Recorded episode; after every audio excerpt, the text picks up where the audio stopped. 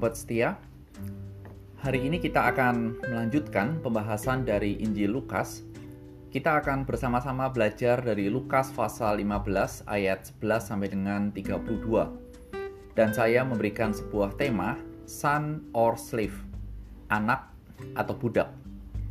Dan sebelum kita merenungkan bersama-sama, sekali lagi mari kita selipkan doa untuk nakes yang ada di garda depan dan juga untuk orang-orang yang sakit, baik itu yang sakit CA, tumor, dan lain sebagainya, dan juga yang terkena COVID. Mohon Tuhan memberikan kekuatan kepada keluarga dan juga kesembuhan.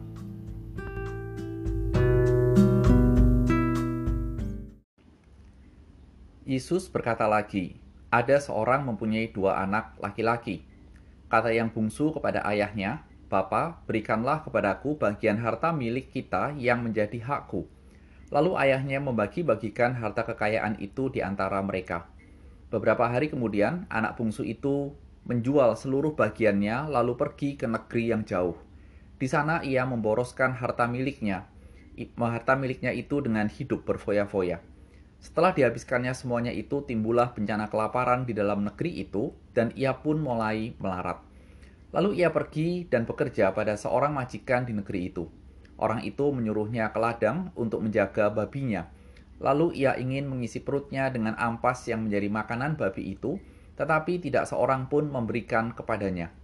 Lalu ia menyadari keadaannya, katanya, Betapa banyaknya orang upahan bapakku yang berlimpah-limpah makanannya, tetapi aku di sini mati kelaparan. Aku akan bangkit dan pergi kepada bapakku dan berkata kepadanya, Bapa, aku telah berdosa terhadap surga dan terhadap Bapa. Aku tidak layak disebut anak Bapa. Jadikanlah aku sebagai salah seorang upahan Bapa. Maka bangkitlah ia dan pergi kepada bapaknya. Ketika ia masih jauh, ayahnya telah melihatnya, lalu tergeraklah hatinya oleh belas kasihan. Ayahnya itu berlari mendapatkan dia lalu merangkul dan mencium dia. Kata anak itu kepadanya, Bapa, aku telah berdosa terhadap surga dan terhadap Bapa. Aku tidak layak lagi disebut anak Bapa. Tetapi ayah itu berkata kepada hamba-hambanya, Lekaslah bawa kemari jubah yang terbaik, pakaikanlah itu kepadanya, dan kenakanlah cincin pada jarinya dan sepatu pada kakinya. Dan ambillah anak lembu tambun itu, sembelilah dia dan marilah kita makan dan bersuka cita. Sebab anakku ini telah mati dan menjadi hidup kembali ia telah hilang dan didapat kembali. Maka mulailah mereka bersukaria.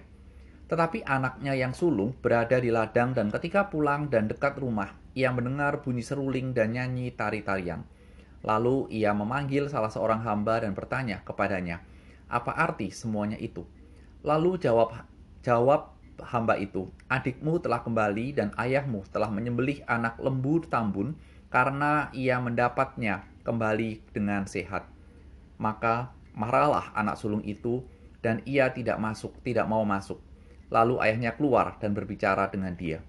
Tetapi ia menjawab ayahnya, katanya, telah bertahun-tahun aku melayani Bapa dan belum pernah aku melanggar perintah Bapa. Tetapi padaku, belum pernah Bapa memberikan seekor anak kambing untuk bersuka cita dengan sahabat-sahabatku.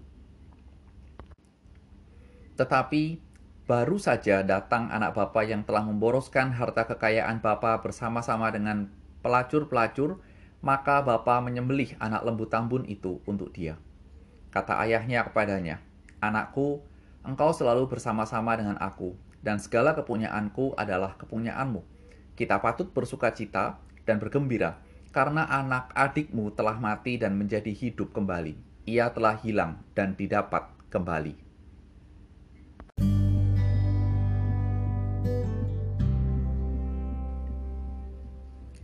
Mari kita berdoa. Tuhan Yesus singkapkan firman-Mu bagi kami, sehingga hidup kami boleh berpadanan dengan kebenaran firman Tuhan. Demi Kristus Tuhan, amin.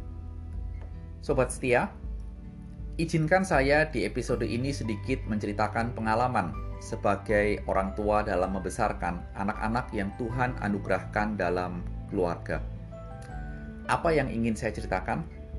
ada momen seorang anak dalam keterbatasan pemahaman dan pemikiran mati dan dalam pemikiran matematikanya dia mengatakan bahwa aku sudah membantu ini, aku sudah melakukan ini dan itu sehingga dia merasa layak untuk mendapat apa yang menurut dia layak dia dapatkan sebagai seorang anak. Ketika hal itu terjadi, salah satu respon dari saya adalah mengajak anak-anak itu berhitung. Berapa banyak yang sudah mereka perbuat atau lakukan, dan kita membandingkan dengan apa yang saya dan maminya perbuat untuk mereka. Kita hitung dari ketika anak-anak belum bisa jalan dan seterusnya untuk menyadarkan bahwa sikap dan pemikiran dia sebagai seorang anak tidak boleh sama dengan pemikiran orang dalam dunia pekerjaan yang menggunakan rumus matematika, tambah, kurang, dan sebagainya.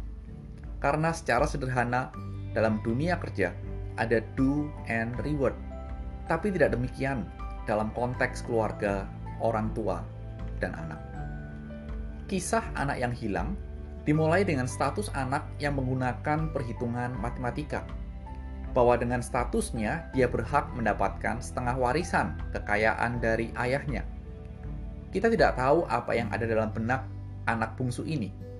Tapi yang pasti, kekayaan dalam bentuk warisan sampai saat ini menggiurkan bagi semua orang dan sering kali menjadi rebutan antara saudara kandung. Hal ini menunjukkan dosa sudah merasuk dalam setiap lini kehidupan manusia.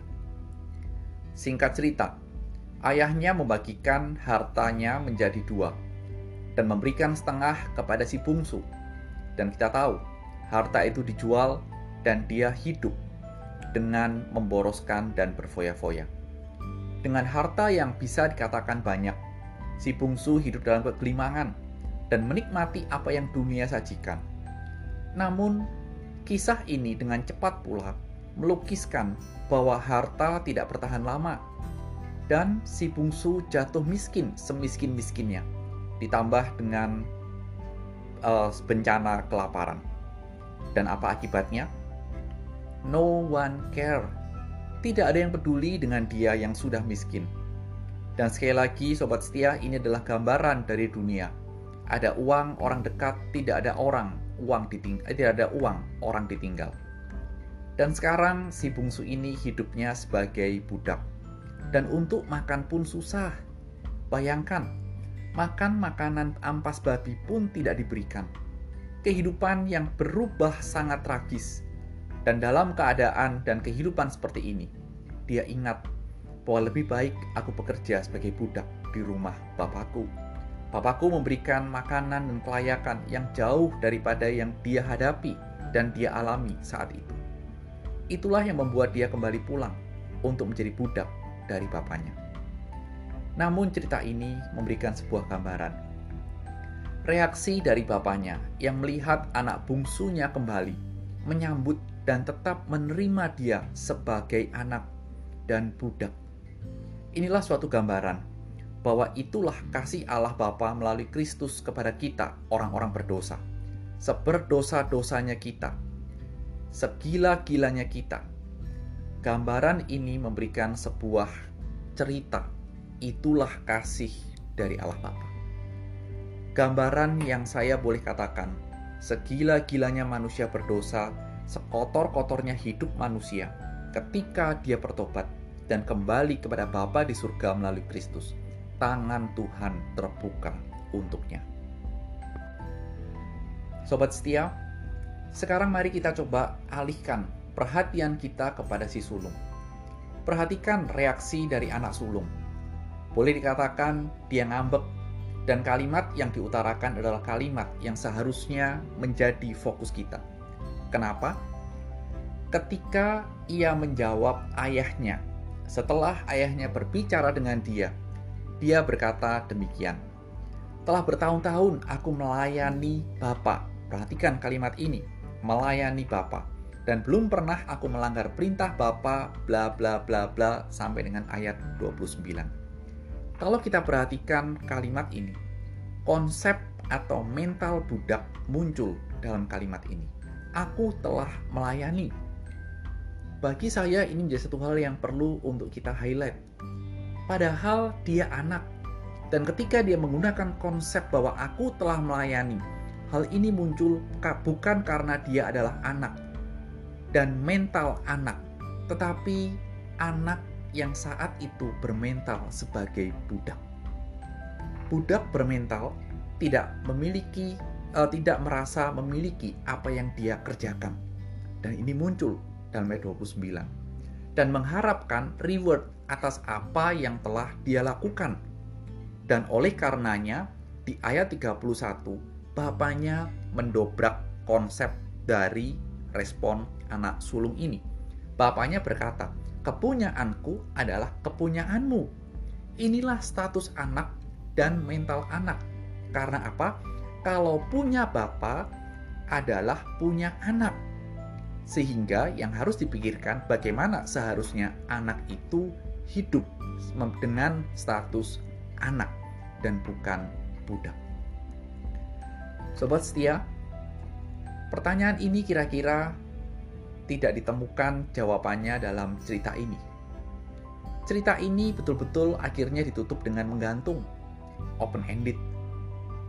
Kalau kita tanya bagaimana seharusnya anak itu hidup, bagaimana anak sulung itu sebagai status anak menghidupi statusnya dalam cerita ini, apa responnya? Cerita ini akhirnya menggantung, open.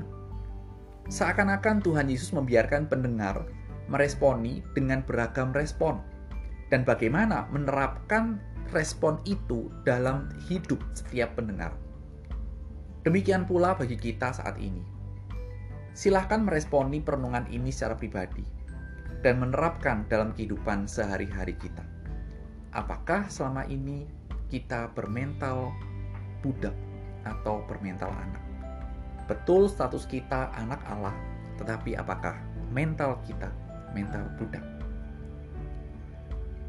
Sobat setia yang dikasih Tuhan, inilah satu hal dari saya yang saya pikir kita bisa renungkan bersama-sama.